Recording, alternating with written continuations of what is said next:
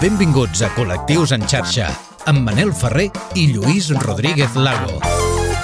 Què tal? Benvinguts i benvingudes al Col·lectius en xarxa. Corria l'any 1999 quan saltava la notícia de la desaparició d'una jove de 19 anys a la localitat de Mijas, a Màlaga. Així és, Manel, els mitjans de comunicació i les tertúlies de matins i tardes de tot l'estat se'n feia ressò, ressò a tota hora. El cas es tanca amb l'empresonament de Dolores Vázquez Mosquera, però aquell no seria el final d'aquella història. A la segona part del programa parlarem amb Beatriz Jimeno, política i activista en favor dels drets del col·lectiu LGTBI. Avui, al Col·lectius en xarxa, Cas cas, Dolores Dolores Vázquez. Vázquez.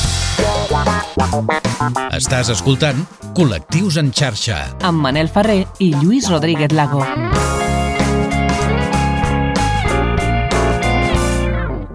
Netflix estrenava el passat mes de juny un documental titulat Baninkoff Caravantes i HBO Max ha estrenat, de fet, aquesta setmana, a principis d'aquesta setmana, un, uh, un documental de sis episodis amb el testimoni de Dolores Vázquez amb el nom de Dolores, la verdad sobre el caso Baninkoff. El Col·lectius d'avui el dediquem a Dolores Vázquez i al fenomen de la construcció de la lesbiana perversa. Avui tractarem d'entendre què ens va passar com a societat i de quina manera es va començar a gestar la construcció d'aquest personatge de la lesbiana perversa i capaç d'assassinar i també com aquesta idea va traspassar fins a sentar-se a la societat. El cas Baninkoff començava la nit del 9 d'octubre del 1999 quan Rocío desapareix a 500 metres de casa seva, acabava de deixar a la seva parella i es tornarien a veure a la zona de la Fira de Fuengirola amb més amics. El dia següent comença la preocupació per la falta de notícies de la noia. La mare d'aquesta descobreix les seves sabates d'esport abandonades en un camp proper. 25 dies més tard, i després de moltes cerques organitzades per veïns, veïnes, amics i amigues de la família, la policia descobreix el cos de Rocío Baninkoff en molt mal estat, fet que dificulta enormement la investigació. La Guàrdia Civil, que dirigeix la investigació i que també havia estat treballant en el cas de les nenes d'Alcàcer, comença a investigar a persones properes a la jove. Comencen per la seva parella, Antonio José Jurado, però aviat la investigació se centra en l'antiga parella sentimental de la mare de Rocío, Dolores Vázquez Mosquera. A partir d'aquell moment comença un judici mediàtic, social i judicial que assenyala directament i sense proves a Dolores Vázquez, que acabarà sent declarada culpable per un jurat popular i passarà 519 dies a la presó. Però aquest cas no acabaria aquí i es convertiria en un dels errors judicials més flagrants de la història de l'estat espanyol. Així és perquè l'any 2003 Sònia Caravantes desapareixia i era assassinada en unes condicions molt semblants a les de Rocío. L'ADN trobat a una borilla connecta els dos casos i així és com comença un procés contra el britànic Tony Alexander King. Perquè els pols oposats també s'atreuen, escolta col·lectius en xarxa. Parlem avui de la creació del personatge de la lesbiana perversa que va, van crear tant la Fiscalia com els mitjans de comunicació de l'època per justificar i trobar un culpable, en aquest cas una culpable, de l'assassinat de Rocío Baninkoff quan no tenien res de res i la pressió i poder, la cerca d'una bona història per explicar eren molt fortes. Sentirem alguns fragments del documental de Netflix per explicar com l'homosexualitat de Dolores Vázquez va ser una de les motivacions de l'acusació d'aquest cas. Comencem per escoltar un fragment que ens explica que la Guàrdia Civil, després de dies d'investigació, no té cap via per seguir i es comencen a fer conjectures que allunyen el cas d'una agressió sexual i fan pensar que es tracta d'una venjança. Los investigadores tenían necesidad de dar con algo. La presión social era muy fuerte y no tenían nada. El mal estado del cuerpo, del cadáver eh, de Rocío, impide determinar algunas características fundamentales, como era saber, por ejemplo, si Rocío había sido agredida eh, sexualmente. ¿Qué ocurre? Que eh, una de las teorías y deducciones que dan los investigadores, al ver el cadáver que tenía las piernas abiertas, al tenerlas tan abiertas, creyeron que había sido una simulación, es decir, que el autor de este delito lo que había hecho era alterar la escena del crimen para simular una agresión sexual. De este modo descartaban la agresión sexual y incidieron en el motivo del el odio, de la venganza.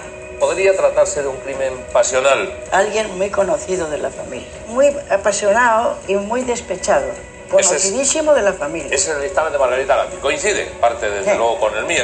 De este modo empiezan a interrogar al entorno más inmediato de Rocío Baninkoff. Clar, en aquest cas, eh, Lluís, tenim la pressió mediàtica, no? Exacte, que que obliga dèiem. a les autoritats, a la gent que està fent la investigació, a començar a dir noms Exacte. per ensenyar i demostrar que estan avançant cap a algun lloc, Que però a partir d'aquí cosa. és un rumore rumore, no? Que Sí. es va generant del res, no? Podríem Mm, dir. I fixa't que en, el que ens deien és que uh, su, el fet de suposar que tenia les cames obertes fa que pensin que es, fingi, es Mhm. fingeix la- l'assetjament sexual i a partir d'aquí és on, on canvia la cosa, però no hi ha cap prova, eh? Mhm. 1999. De fet, el que es feia el Lluís és apropar-ho a algú molt proper, Exacte. però no hi ha cap evidència de moment, fins on hem escoltat, que els faci portar fins no, allà. no hi ha cap evidència, però sí passa el que hem sentit al final del tall. Eh, mm, tertúlies de matins i de tardes de la Mhm. televisió donant op moltes opinions. Exacte. Moltes opinions. De gent que no l'opinió de no sé exacte, quién. que no necessàriament Exacte. segur que en sàpiga d'aquest No. tema. És una opinió d'un programa de, de televisió, no? A partir d'aquest punt, la investigació se centrarà ja en Dolores Vázquez, la protagonista d'aquest episodi, i els mitjans de comunicació posaran la seva fotografia i el seu nom per tot arreu. El judici social també començarà i tenim un tall del documental molt aclaridor en aquest sentit, però molt atents i molt atentes a com la mare de Rocío Van parla de la relació amorosa que havia tingut amb Dolores Vázquez.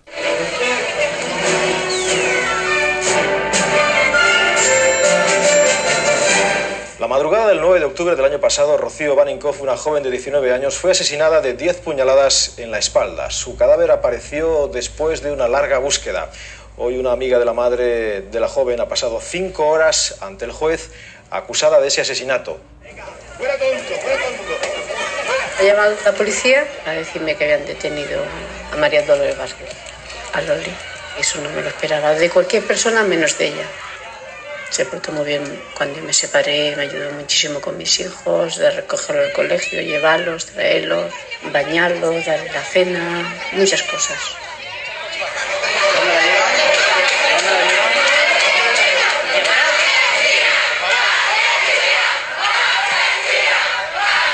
Fixa't que no tenim res encara, però Mhm. tenim un munt de gent al carrer cridant assassina, assassina, assassina quan se l'emporten de casa seva cap al jutjat. Només ha anat a declarar. Uh -huh. Val? I de fet, eh, Lluís, eh, en cap moment la mare parla de que es tracta d'una relació amorosa, no? no, se portó muy bien conmigo porque Ujú. me cuidaba a los niños, los llevaba al cole, Ujú. però ja, ja està, no diu res més. Com segueix això? Doncs com van tractar els mitjans de comunicació la relació amorosa de gairebé 11 anys de Dolores Vázquez i Alicia Hornos, mare de la noia assassinada? Doncs sentim ara diferents capçaleres dels noticiaris de diferents cadenes de televisió de l'èpo- de l'època i ho comentem. Se llama María Dolores Vázquez y es amiga íntima de la madre de la joven. Es que Dolores es amiga íntima de Alicia. Íntima amiga de todos. Dolores Vázquez, amiga de la familia, acusada de matar a una hija de su ex íntima amiga Alicia Hornos. Era la mejor amiga de la madre de Rocío. A la que había visto crecer, a la que había criado, dicen, como una segunda madre. Juntas compraron esta casa en Mijas y juntas emprendieron una vida en común con los tres hijos de Alicia. Fixa't, eh? amiga íntima Mhm. és la, el que s'apropa més a parella Fixa't, de sentimental. fet, eh, amiga íntima, mejor amiga, segunda madre, no? Exacte. eufemismes que fan que a poc a poc l'opinió social es vagi apropant a pensar que podria ser aquesta persona, no? Sense Mhm. dir que era la parella de la mare, t'ho fan pensar en el teu subconscient perquè el teu cap vagi cap allà, no? A més a més, seguim sense un judici i seguim sense cap prova cap a aquesta persona. Mhm. eh, remarcar que la relació havia durat més de 11 anys. Aquesta nena tenia 19 quan va desaparèixer, imaginem-nos, eh? Mhm. Fixem-nos ara a quin és el tractament també que es fan en els programes matinals a les cadenes de televisió, repetim, sense que s'hagués celebrat encara cap judici i sense que els investigadors tinguessin cap prova concloent. A més, eh, fixem-nos com s'atribueixen a Dolores Vázquez qualitats que s'associen als homes i com la lesbofòbia comença a obrir-se camí. Dolores Vázquez, para los medios de comunicación y para la opinión pública, fue culpable desde el momento en el que fue detenida. ¿Tú qué opinas, Margarita? Lo que a ti te dice tu corazón. Tengo que decir que sí, que a mí me parece culpable. Aunque ella lo ha confesado, para los vecinos de la cala de Mijas no hay dudas. Había rumores, se estaba comentando ya sobre esta persona, ¿no? Desde el primer momento los familiares y la policía pensaron que el agresor conocía a Rocío. Varias pistas falsas colocadas supuestamente por María Dolores han dificultado la investigación. Fue un crimen y un suceso eh, que daba bueno, para programas de televisión, uno de los primeros en ese sentido, porque todos los elementos juntos, eran, eran muy paradigmáticos de, de, de muchas cuestiones sociales que están ahí por debajo, ¿no? Fundamentalmente la lesbofobia. La familia de Rocío dice que Dolores es una mujer fuerte, de carácter agresivo y muy posesiva. Mentalmente es muy vengativa. Ja Fixa't. està. Fixa't. I en, en això, al final, podria ser com la Belén Esteban d'aquell moment, no? Li demanen una tertuliana de televisió que no té per què ser experta Fixa't en que li diu lo que res. te dice tu corazón. ¿Qué te dice tu culpable, corazón? culpable, no? És a dir, directament, amb el que jo crec que he sentit, podria ser és culpable, no? Davant Mhm. de milions d'espectadors, tu ja deixes anar la teva hipòtesi, que és el que et diu el cor, no et Mhm. bases en res Exacte, més que en això, res no? més que això. Fixa't que després també eh, els periodistes eh, fan servir aquest supuestamente Mhm. per, suposo, per cobrir-se les esquenes, no? Clar. però compte, perquè aquí estem parlant d'un assassinat. Mhm. I interessant també com el fet d'atribuir a Dolores Vázquez eh, capacitats o, o atributs dels homes, Sí, no? És sí. fuerte, en, en el Mhm. text de, les fisca de la fiscalia es pot llegir que li gustava practicar deporte i hacía karate, tot Mhm. això com a motivació per crear aquest eh, producte de la lesbiana perversa. Mhm. Ara, el personatge mediàtic ja el tenim, Lluís. Clar, el tenim, a més a més, com ens, de, ens deien en el tall, el tenim i el considerem culpable, tenim un, una cabeza de turco, Mhm. no? Arribats a aquest punt, ja tenim el, el personatge mediàtic, exactament, la lesbiana perversa, que és una dona forta, que no se la veu plorar, que practica karate i altres esports, és la principal sospitosa del crim de Rocío Baninkoff sense cap prova que la inculpi. I així ho expliquen en el documental. Dolores Vázquez lo tenía muy difícil porque era Dolores Vázquez, una persona que no caía bien, que no era agradable, que no era simpática, que era lesbiana en 1999 y que podía ser condenada a 15 años de prisión. Fixa't, eh?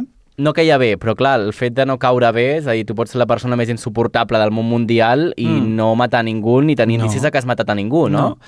I aquí faig una, un paral·lelisme amb un cas amb el cas de la Rocío Carrasco, que el vam tenir Sí. eh, no, la, la Sí. temporada passada, eh, a, les, a totes les televisions, i penso que és això, la creació d'aquest personatge que no cau bé, no? de, a partir d'informació no contrastada, Mhm. no? i com, eh, com es crea aquest, para, aquest paral·lelisme entre aquesta lesbiana perversa i la madre perversa o la madre, eh, mala madre, no? amb l'ombra dèiem- aquesta que s'ha Exacte. generat a partir de rumors i de històries Mhm. que no s'han explicat però que la gent dona per suposat per testimonis i gent que ha anat apareixent per, per al camí, no? Exacte. I com és interessant el fet aquest de que eh, una de les coses que més feia sospitar que eh, Dolores Vázquez era la culpable és que en el judici no plorava i no es desmuntava. I Mhm. això era eh, el, un dels arguments de totes les tertúlies. Mhm. Per últim, fixem-nos ara en com el mateix, en el mateix judici es passa un vídeo en el que la mateixa Guàrdia Civil és molt explícita dient que no saben res del que va passar del dia, el dia de l'assassinat de Rocío Baninkoff i com l'única prova que motiva tot el cas és aquest personatge de la lesbiana perversa que és capaç de matar. Esta mañana, por ejemplo, hemos visto aquí en la sala un vídeo del programa Informe Semanal. En ese vídeo apareció un guardia civil que declaraba que no había pruebas directas contra Dolores Vázquez. Vamos a dejar que la investigación continúe eh, de los pasos que tenga que dar en busca de la prueba definitiva que nos aclare todo lo que ocurrió en aquel momento, porque hasta ahora mismo eh, la verdad es que no sabemos nada, ni cómo, ni tenemos nuestras propias hipótesis, pero, pero lo que es en realidad lo que ocurrió no lo sabemos. La Guardia Civil, ante la falta de pruebas físicas, elaboró un informe en el que había indicios que acusaban a Dolores Vázquez y un perfil psicológico. Fixa't com en el mateix judici la mateixa Guàrdia Civil diu que no tenen res, que no saben absolutament res, uh Mhm. -huh. però igualment aquesta senyora acaba condemnada i passant més de 500 dies a la, a la presó. Entre d'altres barbaritats, els escrits de la Guàrdia Civil i de Fiscalia diuen que el fet que Dolores Vázquez no acceptés sempre la seva homosexualitat, imagina't, Sí, eh? per quin procés passem les persones homosexuals, que no sempre eh, és d'acceptació durant tota la nostra vida, la feia una, una homosexual reprimida que podia manifestar violència sense mesura. Això ho diu textualment un escrit. D'altra banda, els escrits també parlaven del terme agressió homosexual, Mhm. perquè justificaven que, tal i com havia quedat eh, l'escenari del crim, Sí. era mm, Es podia entendre es que era una persona que havia una fet persona eh, homosexual. que era homosexual. Uh -huh. Doncs uh, seguim, seguim, eh? Seguim. Tenim encara més per parlar. Hola, me llamo Lía Costa y la injusticia que he visto hacia el colectivo es salir con dos amigas mías que forman parte del colectivo, bueno, y más gente, y pues mira que hubiera feeling y pues acabarán pues besándose y esas cosas en la discoteca y la gente eh, flipando, eh, sexualizándolas, eh, grabándolas y baboseando como, como perros en celo, ¿sabes? Y es como, chico, sobra muchísimo porque igual que cuando una pareja de heteros se está besando, tú no te pones a grabarlos ni a babear como, como ellos, ¿sabes? Pero bueno, però bueno. Segueix-nos a les xarxes. Busca'ns i recupera tots els nostres programes, imatges i vídeos exclusius. Col·lectius en xarxa, a Twitter, Instagram i a les principals plataformes de podcasting.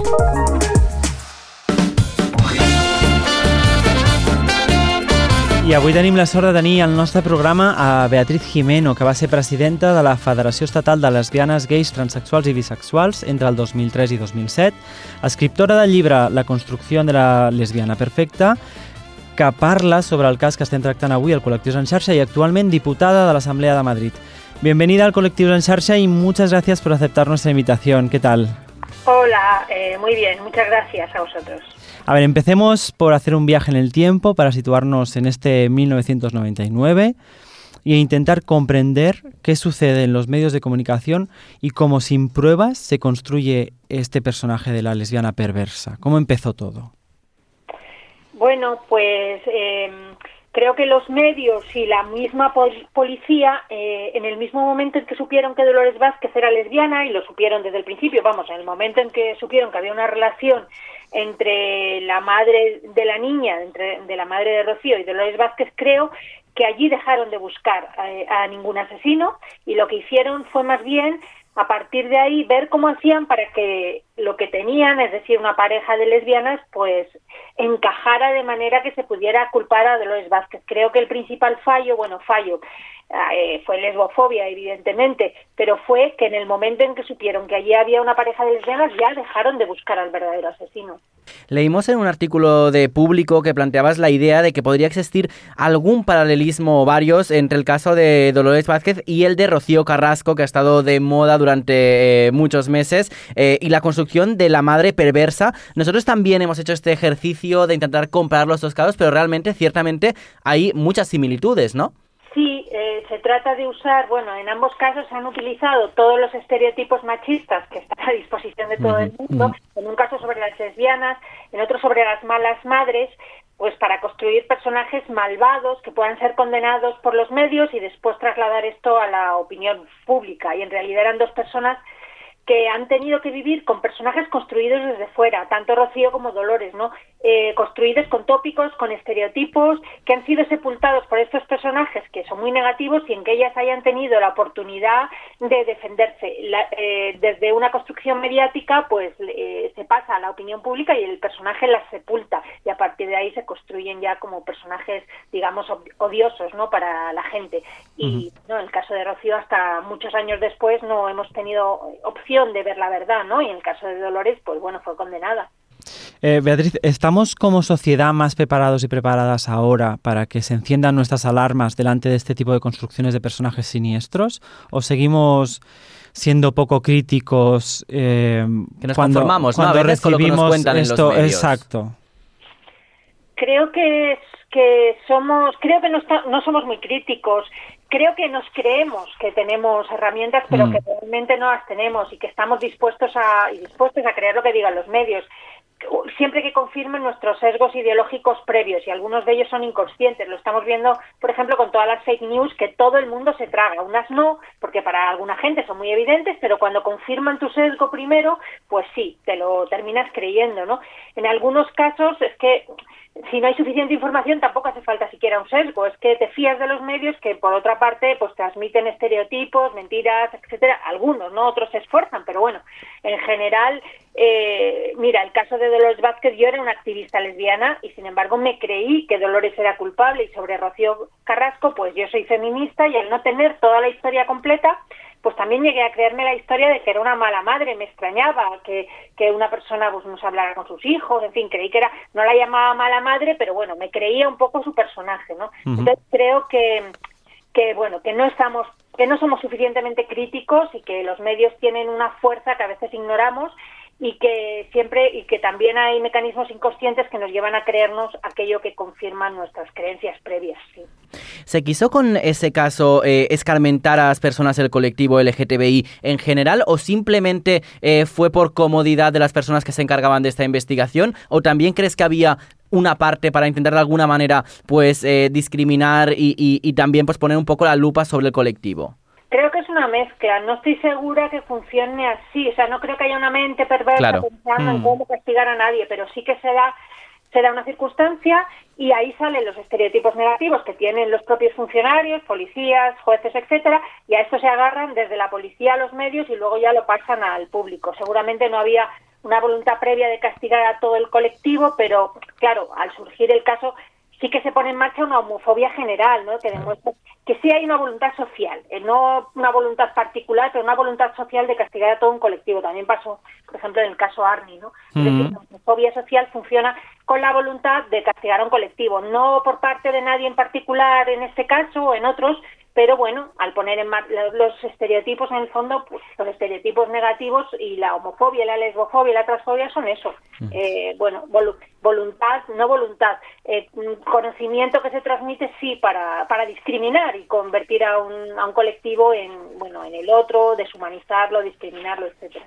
Lo que sí parece que imperó mucho es la, la- la idea de, de querer cerrar y acabar con, con la historia, ¿no? De querer que todo, todos los, los, los, los- lo- atar todos los, todos los cabos. Eso sí que parece que mm, se precipitó de alguna forma. A lo mejor por lo que tú decías, porque eh, encontraron ahí un filón con la, con la historia de amor de estas dos mu- mujeres y, y fueron por ahí. Sí, sí, yo es que creo que, eh, que mm, el, el documental de Tania Batlló, que, que, se, que se estrenó hace poco, pues un poco lo que ella dice es eso, una vez que encontraron unas lesbianas, ya no buscaron más.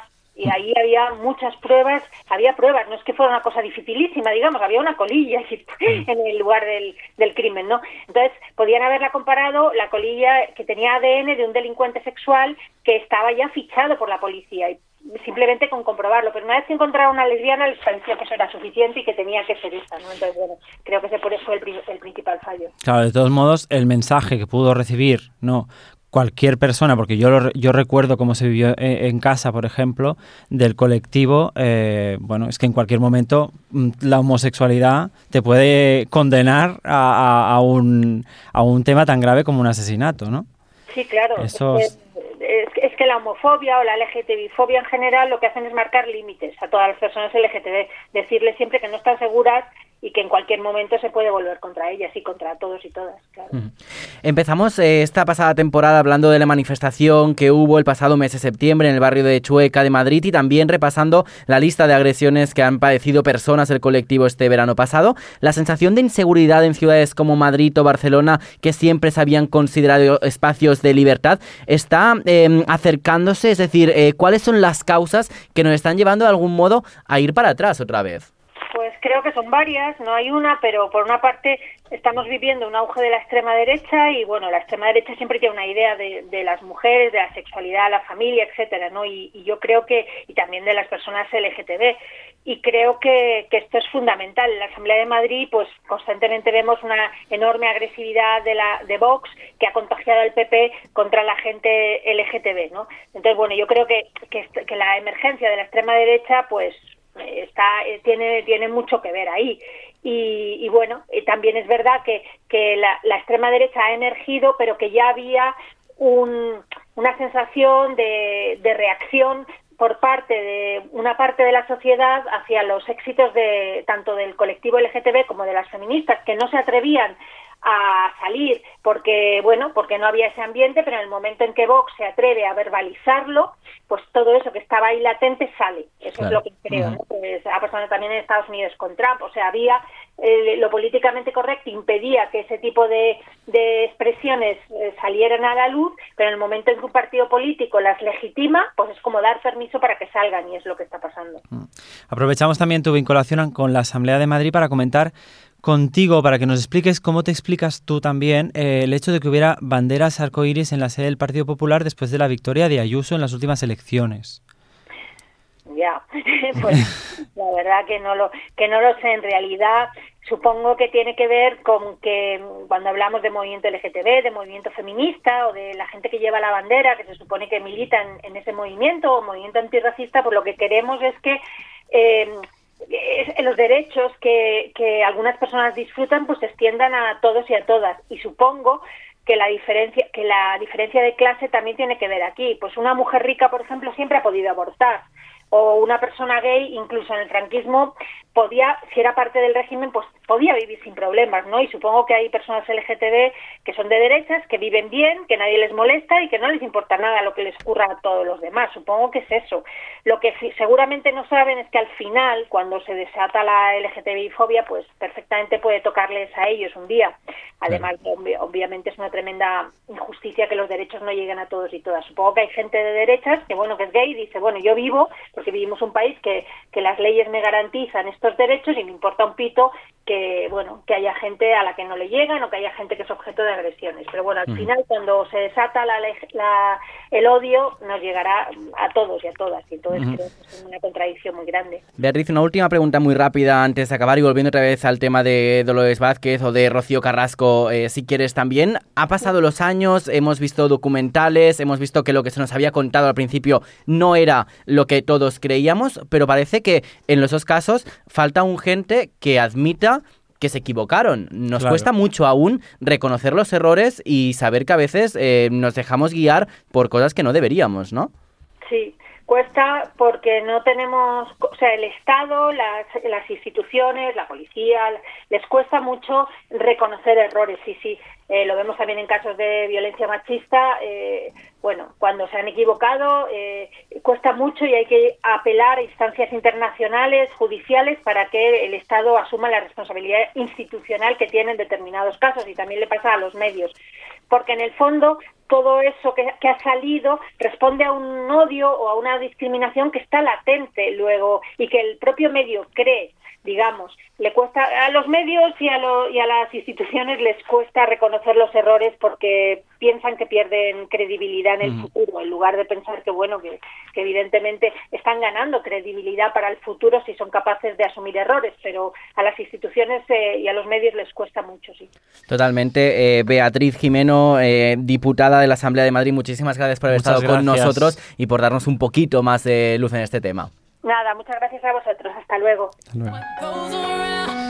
Uf, molta informació. eh? Tenim feina per al cap de setmana, Lluís, Sí, eh? aquesta l'escoltarem, també. Persona perfecta, poder escoltar la Beatriz també, perquè Sí, forma que bé. part, de fet, d'un d'aquests eh, documentals. Documentals, Per tant, el seu mhm. testimoni doncs, és eh, molt valuós. Feina per reflexionar, per escoltar, eh, i ho acabem tot plegat amb música. Amb música, Amb avui avui? amb, amb Beyoncé, amb la cançó Best Thing I Never Had, i és una mica perquè ens doni, ens doni una miqueta de, de, de positivitat de tot plegat, perquè és això que dius, el programa déu nhi no deixa de ser, Mhm. bueno, de, de, de reflectir aquestes coses i aquests paranys en els que anem caient i que se'ns presenten i que ens deia la Beatriz que encara no, no ens veu, o ella, segons ella, no, no creu que la societat estigui del tot preparada. Veurem com evoluciona la societat. Gràcies, Lluís Rodríguez Lago, en aquesta coedició amb mi mateix, Manel Ferrer, i també a les vies de so en Carles Soler. Que vagi molt bé, ens escoltem la propera setmana a la vostra ràdio local i també a la vostra plataforma de podcast preferida. Adeu. Adeu. Sorry.